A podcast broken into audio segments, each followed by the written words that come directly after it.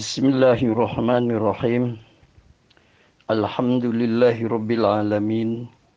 Wa bihi nasta'inu ala umuri dunya wa din. Ashhadu an la ilaha illallah wa ashhadu anna Muhammadan abduhu wa rasuluh. Allahumma salli wa sallim ala Muhammadin wa ala alihi wa sahbihi ajmain. Ibu-ibu beserta keluarga, para ikhwatu iman yang dimuliakan Allah Subhanahu wa taala. Alhamdulillah segala puji bagi Allah. Allah yang masih memberikan kesempatan pada kita untuk menunaikan berbagai kewajiban dalam hidup kita sebagai seorang yang beriman. Semoga kita masih tetap mendapat bimbingan serta inayah Allah Subhanahu wa taala. Ibu-ibu yang dirahmati Allah, kajian pada kali ini kita mempending dulu lanjutan tafsir surah Juz Amma. Kita akan e, mendalami tadarus kembali tentang syariat agama kita yaitu di antaranya kewajiban melaksanakan ibadah saum pada bulan Ramadan. Tema kali ini adalah bagaimana seharusnya kita menyambut bulan suci Ramadan. Ibu-ibu yang dirahmati Allah, kita awali pembahasan kita dengan mentadarus kembali, mempelajari kembali tentang pengertian saum. Pertama, saum atau puasa menurut bahasa artinya adalah al-imsak. Sekali lagi, artinya adalah al-imsak berasal dari kata amsaka yumsiku imsakan. Amsaka artinya menahan diri. Yumsiku dalam bentuk fi'il mudore sama artinya menahan diri, sedang menahan diri, imsakan penahanan ya, imsakan menahan diri seperti itu yaitu diberi alif lam jadi al imsak artinya menahan.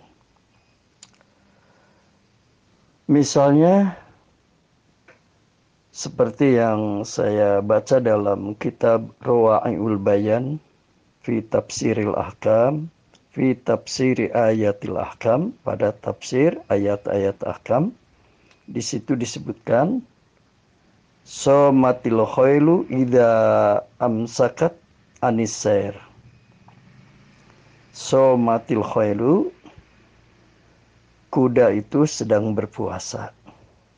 Ida amsakat apabila kuda itu menahan diri anisairi dari berjalan. Jadi kalau kuda cicing wae tidak berjalan, tidak bergerak, itu adalah kuda itu sedang berpuasa. Contoh lain, somatirrihu ida amsakat anil hubub. Ya. Somatirrih angin itu berpuasa ida amsakat ketika angin itu menahan diri eh, maksudnya udara somatrihu udara itu berpuasa. Ida amsakat ketika udara itu menahan diri anil hubub dari bertiup dari berhembus. Nah jadi kalau udara diam ya tidak bergerak maka itu udara sedang berpuasa. Kalau udara itu bergerak namanya ganti lagi yaitu menjadi angin. Kan seperti itu atau di dalam Al-Quran, dalam surah Maryam, ibu-ibu yang dirahmati Allah, dalam surah Maryam ayat yang ke-26, A'udzu billahi minasyaitonir rajim. Inni nadartu lirrahmani sauma falan ukallimal yauma insiya. Kata Maryam, ya. Ini sesungguhnya aku nazartu, aku bernazar lirrahmani kepada Allah yang Maha Rahman, sauman untuk berpuasa. Apa puasa yang dimaksud oleh Maryam di sini? falan ukalliman falam falan ukallimal yauma insiya falan ukallima aku tidak akan berbicara al yauma pada hari ini ya insiya kepada siapa pun ya kepada manusia jadi Maryam bernadar akan berpuasa puasanya apa tidak akan berbicara kepada siapa pun manusia pada hari itu. Nah, itu puasanya Maryam yaitu menahan diri dari apa? Dari tidak berbicara. Itu arti saum menurut bahasa. Intinya adalah menahan diri, al-imsak. Ya. Nah itu. Kemudian ibu-ibu dan keluarga di rumah yang dirahmati Allah Subhanahu wa taala Kemudian saum menurut istilah agama kita yaitu istilah dalam agama Islam.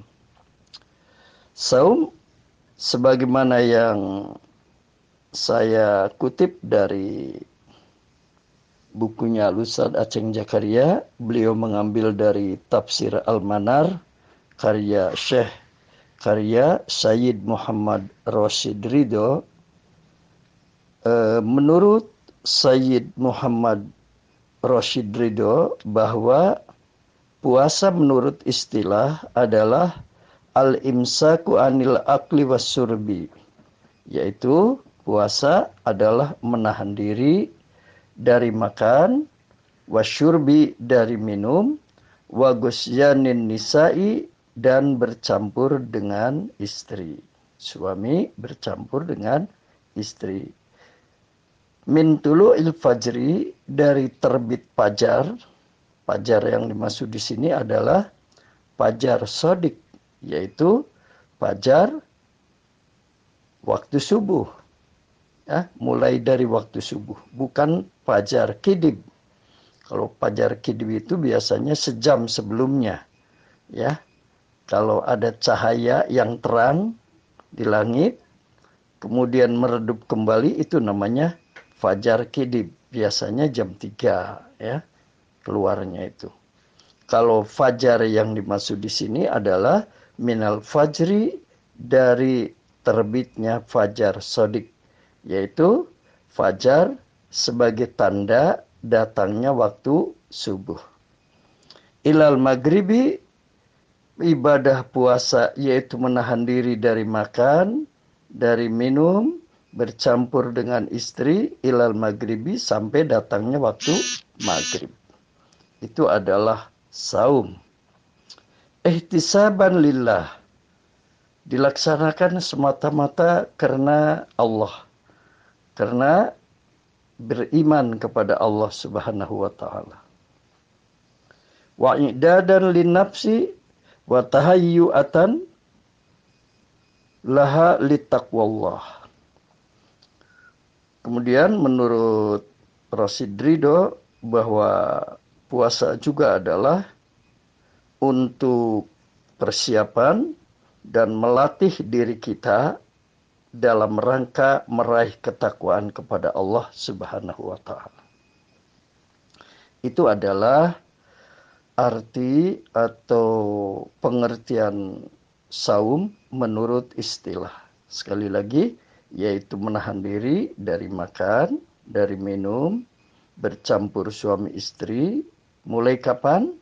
Dari terbitnya fajar sodik, yaitu dari waktu subuh, ilal maghribi sampai terbenamnya matahari, ihtisaban lillah dilaksanakan semata-mata karena Allah, wa i'dadan lin nafsi wa tahayyu'atan laha litaqwa litaqwa Allah yaitu persiapan dan melatih diri kita untuk meraih ketakwaan kepada Allah Subhanahu wa taala.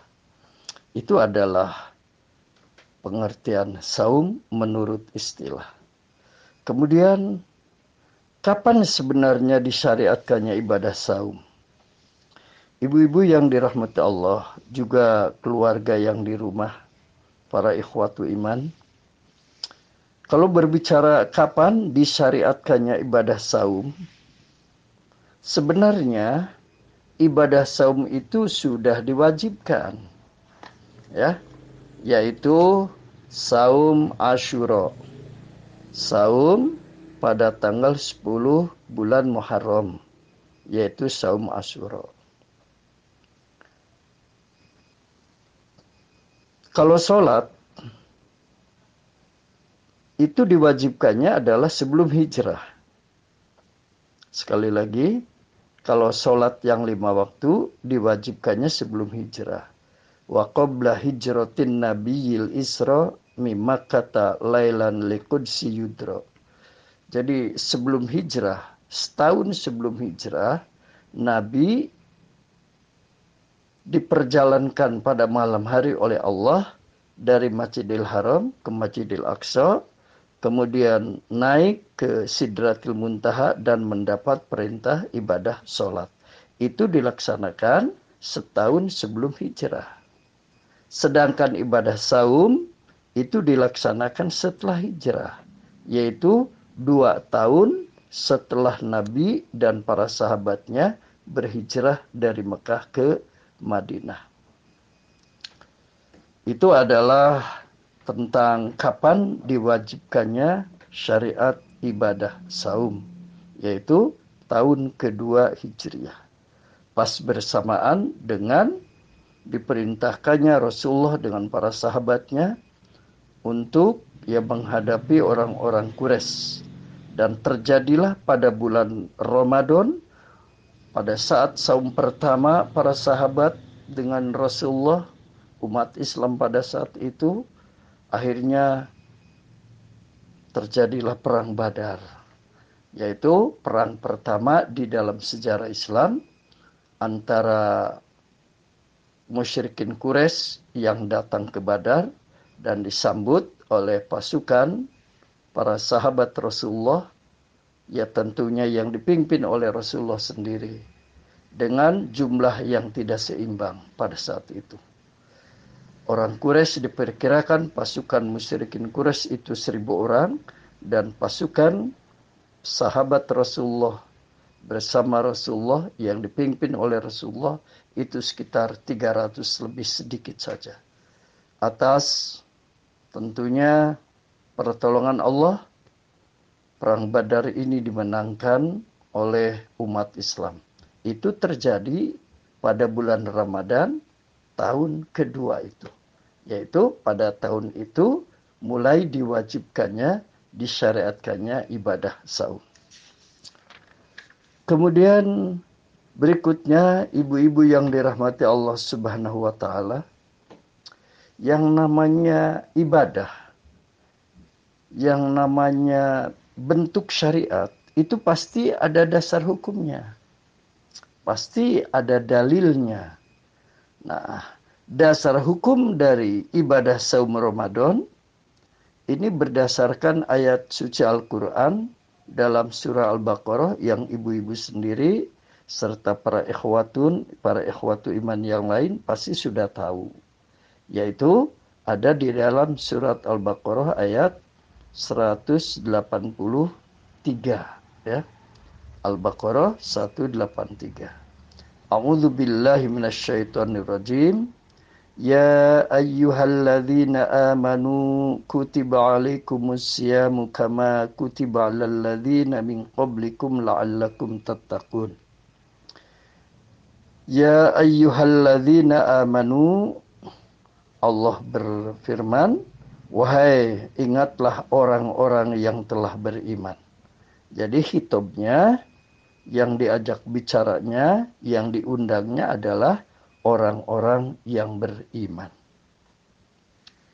Jadi tidak memanggil tidak jatuh juga kepada orang-orang kafir, orang-orang yang tidak beriman. Kutiba alaikumusiyam. Diwajibkan atas kamu sekalian. Siapa? Orang yang beriman. Apa yang diwajibkan? Asyamu, puasa. Asyamu adalah saum atau ibadah puasa. Kama kutiba alal ladhina min qablikum. Sebagaimana ibadah saum ini telah diwajibkan kepada orang-orang sebelum kamu sekalian. Ini menjadi dalil pertama bahwa ibadah saum, saum Ramadan diwajibkan kepada orang-orang yang beriman. Yang kedua, bahwa ibadah saum Ramadan ini sebetulnya telah diwajibkan kepada orang-orang terdahulu sebelum umat Nabi Muhammad Sallallahu Alaihi Wasallam. Allah mengabarkan berita ini satu untuk penegasan tentang diwajibkannya saum kepada umat Nabi kita, kepada umat Islam. Yang kedua adalah untuk meyakinkan bahwa umat dahulu saja mampu melaksanakan ibadah sahur. Kita juga umat Islam pasti mampu untuk melaksanakannya. Agar tidak merasakan berat ya ibadah saum sebab sudah diwajibkan kepada umat-umat terdahulu. Ending dari ayat ini ya Allah menegaskan dengan satu kalimat yang indah la'allakum tattaqun Semoga kamu sekalian siapa orang-orang yang beriman yang melaksanakan ibadah saum tattaquna menjadi orang-orang yang bertakwa. Ini Allah menggunakan kata la'ala. La'ala itu adalah sesuatu yang berpeluang untuk diwujudkan. Lain lagi kalau dengan laita ya. Seperti laita sababa ya'udu yauman. Artinya Mudah-mudahan muda itu kembali lagi pada hari ini. Eh, kolot yang balik deh kang ora. Ah, itu sesuatu yang tidak mungkin. Tapi ini pakainya la'allakum tattaqun. Mudah-mudahan kamu sekalian menjadi orang-orang yang bertakwa. Jadi peluang menjadi orang yang bertakwa itu sangat besar bagi orang yang beriman melaksanakan ibadah sahur. Itu yang pertama dari Al-Quran. Dan yang kedua dari As-Sunnah. Nah, dalil yang kedua dari As-Sunnah. Yaitu dari hadis Rasulullah Sallallahu yang diriwayatkan oleh Imam Bukhari dan juga oleh Imam Muslim. Bunyal Islamu ala khomsin. Bahwa Islam itu dibangun atas lima pilar. Yang dikenal dengan rukun Islam syahadati alla ilaha illallah wa anna muhammadar rasulullah. Satu, pilar pertama adalah dua kalimat syahadat. Sungguhnya, ya, pertama, tiada Tuhan yang wajib diibadahi dengan benar, illallah, kecuali Allah, wa anna muhammadar rasulullah, dan sesungguhnya Nabi Muhammad itu adalah utusan Allah. Itu pilar yang pertama. Pilar yang kedua, wa iqamatis sholah, yaitu menegakkan sholat.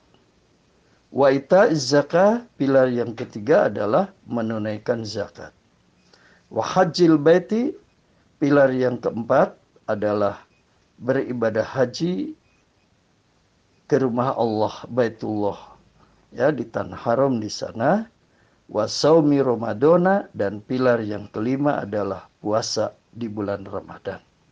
Jadi berdasarkan hadis ini, pilar yang kelima itu bukan haji, tapi adalah saumu Ramadan. Tapi dalam redaksi lain ada yang menyebutkan wasaumu Ramadana wahijul baiti manistatoa ilai sabila. Ada. Sehingga para ulama sepakat bahwa rukun Islam itu adalah sahadat, sholat, zakat, saum, dan haji. Pada prinsipnya, ibu-ibu dan keluarga yang dirahmati Allah, bahwa ibadah saum adalah salah satu pilar dari rukun Islam yang lima. Oke, kita lanjut. Kemudian macam-macam saum. Yang pertama ada saum wajib. Apa saja? Tadi saum pada bulan Ramadan. Yang kedua, saum kifaroh. Saum kifaroh, yaitu saum sebagai denda ya. Nah itu. Seperti kita lagi berpuasa di bulan Ramadan, kemudian tekuat, akhirnya bercampur suami istri pada siang hari. Nah, itu di antaranya kifaratnya harus berpuasa ya. Harus berpuasa. Itu namanya puasa apa? Ibu puasa kifarah. Kemudian puasa nazar. Puasa nazar juga itu adalah sama puasa wajib apabila kita berjanji ya akan melaksanakan puasa apabila saya misalnya mendapatkan ini, mendapatkan ini, kalau dianugerahi ini saya akan berpuasa misalnya satu hari. Itu wajib ya hukumnya untuk dilaksanakan. Kemudian ada juga puasa yang haram. Apa itu? Yaitu puasa yang dilaksanakan pada hari raya Idul Fitri atau hari raya Idul Adha. Hukumnya haram berpuasa. Nah, kemudian ada lagi puasa sunnah yaitu kita sudah pada tahu puasa Senin Kemis, puasa Ayyamul Bid, puasa tengah bulan tiga hari 13, 14, 15 tiap tengah bulan. Kemudian puasa enam hari di bulan Sawal ya. Kemudian ada lagi puasa Tasua tanggal 9 pada bulan Julhijjah bagi yang tidak melaksanakan ibadah haji. Kemudian ada lagi yaitu puasa yang tidak niat yang tadinya wajib dilaksanakan. Tadinya wajib dilaksanakan, begitu diwajibkannya bulan Ramadan, namanya adalah puasa Asyura tanggal 10 Muharram yang tadinya wajib, begitu puasa Ramadan diwajibkan, puasa Asyura ini menjadi sunat saja. Dan di antara lain berikutnya puasa Daud. Ya, puasa Daud itu masuk ke dalam puasa sunnah. Nah sekarang bagaimana kita menyambut datangnya bulan suci Ramadan? Soalnya banyak orang yang kadang-kadang begitu dalam ingatannya, wah oh, ayo nate Ramadan, duh gis Ramadan deui wae. Kudu nyiapkeun anggaran, terbuka, kersahur, kayak murid muli baju baru dat. Ada yang berkeluh kisah seperti itu. Bagi orang yang beriman tidak perlu berkeluh kesah seperti itu. Justru begitu datangnya bulan suci Ramadan, sikap kita yang pertama sambutlah kedatangan bulan suci ini dengan marhaban ya Ramadan. Ya, selamat datang bulan suci Ramadan. Sebagaimana Rasulullah Shallallahu Alaihi Wasallam bersabda seraya menghibur memberikan kabar gembira kepada para sahabat-sahabatnya ayyuhan nas yubassiru ashabahu qad ja'akum syahru ramadana syahrun mubarakun. Wahai manusia kata Rasul yubassiru ashabahu seraya memberi kabar gembira kepada para sahabatnya Qadja akum kata beliau, sungguh telah datang kepada kamu sekalian. Syahrul Ramadana, bulan suci Ramadan. Syahrun mubarakun, bulan yang diberkahi. Subhanallah. Itu Rasul memberikan kabar gembira kepada para sahabatnya. Faradallahu alaikum siyamahu. Allah mewajibkan kepada kamu sekalian untuk berpuasa. tubtahu fihi abwabus sama pada bulan suci Ramadan itu dibukakan pintu-pintu langit dalam hadis yang lain dibukakan pintu-pintu surga wa tuglaku fihi abwabul jahim dan dikunci pada bulan itu yaitu pintu-pintu neraka. Watu golu fihi marodatus syayatin. Dan juga diikatlah di borogod begitu ya. Siapa? Para gegeden-gegeden setan para petinggi-petinggi setan. Fihi lailatun khairum min alfi syahrin. Pada bulan itu ada satu malam yang lebih baik dari seribu bulan yaitu ibu-ibu bapak-bapak yang dirahmati Allah namanya adalah Lailatul Qadar.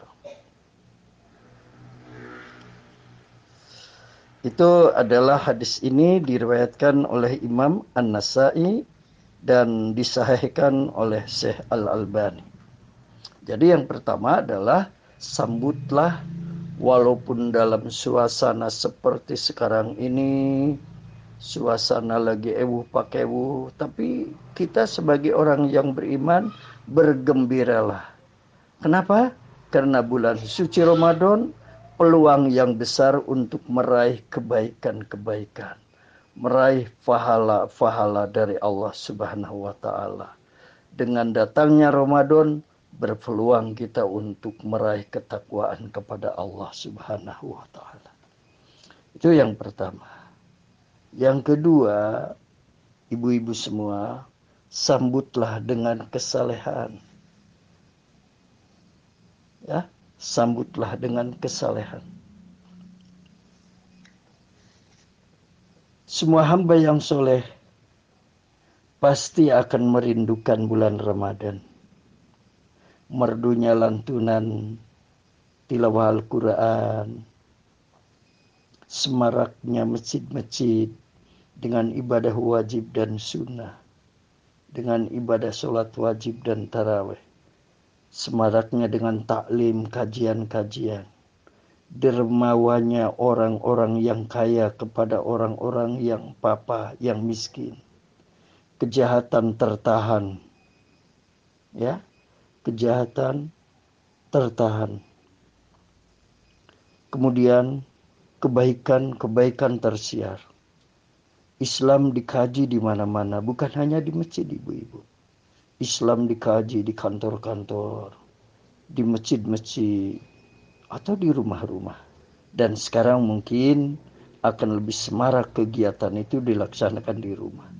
Sholat tarawihnya, tadarus Al-Qur'annya, kajian-kajiannya, mungkin di berbagai komunitas itu ada kajian-kajian lewat online. Kita tinggal membukanya, mendengarkannya di rumah saya kira tidak akan berkurang apa eh, peluang untuk meraih ketakwaan kalau memang kita harus beribadah di rumah.